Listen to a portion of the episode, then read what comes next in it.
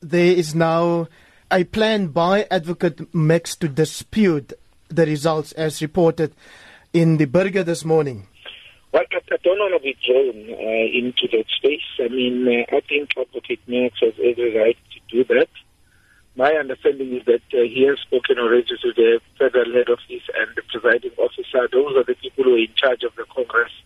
I was not in charge of the Congress. I was um, a delegate and a candidate. And uh, so I think that is an issue that must be dealt with by the federal head office and the presiding sure. officer.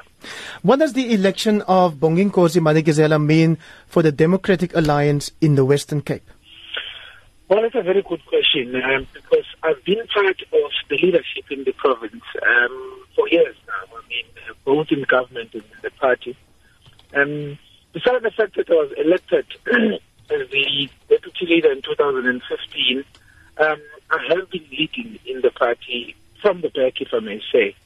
So this is someone who understands um, intimately the challenges in the province, uh, who know exactly what we need to do to make sure that we regain the trust, particularly in those areas um, that they feel now that the DA is taking them for granted. I mean, I think it was part of my speech that I made that I'm very specific about what we need to do as the DA uh, in order to make sure that we really consolidate our support base, we grow in our in our in opposition strongholds, um, we retain our support in municipalities where we're in government, uh, we support our you know structures, and also we strengthen our support in rural areas. So those are the areas where, as the DA, we really need to uh, recommit ourselves so that um, we don't take things for granted going forward.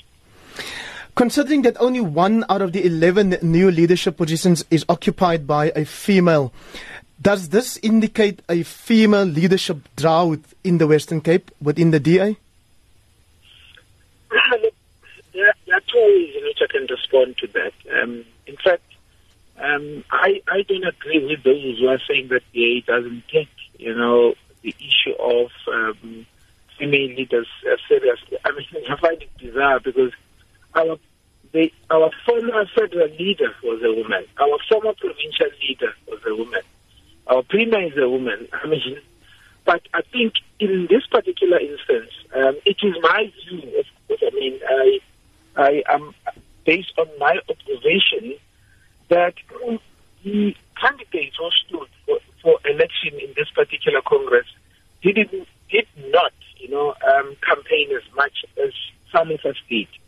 Because in the DA, we don't elect women because they are women. We elect people who are convincing out there when they campaign uh, because they must be elected and married. Um, but it is a point that I take it very seriously that uh, we really need to encourage you know, our, our women colleagues because we have many capable women in the province. There are many capable women. It's not a matter of us empowering women. It's a matter of ensuring that space is created for very, very competent women in the DA to be able to, to market themselves during Congress. Mr. Madikizela, can I request you to please keep the phone closer to your mouth because we seem to be losing some signal or sound uh, while you while you speak. Both you and your national leader Mmusi Maimane were adamant that no one will be elected in the DA based on their race. Why was that important? Look, we we have observed, you know, some very disturbing trends uh, towards the Congress.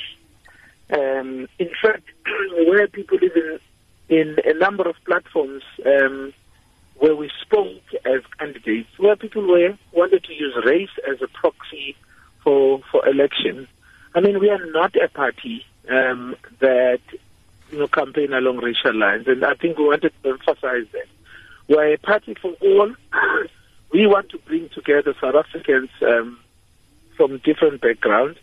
And uh, we have always said as a DA that's who we are. Um, we are a party that believes in non-racialism. So we cannot then begin uh, to start dividing our people along racial lines. Let that be done by the ANC because they're doing a very good job at that. We must actually do the opposite, and that is what we've been doing all along. So it was important to emphasize that, that we are a party for all and we elect leaders on merit irrespective of the color of their skin. A very brief response, please, if you would. So when you say that you will particularly focus on getting more black voters to support the DA, is that black in a racial, ethnic sense or black in a generic sense? Look, I spoke about focusing. Actually, I never mentioned race in, in, in the areas that I spoke about. I said. I heard you saying on SFM yesterday morning that black people still don't trust the DA. Is that black as in generic black or black African?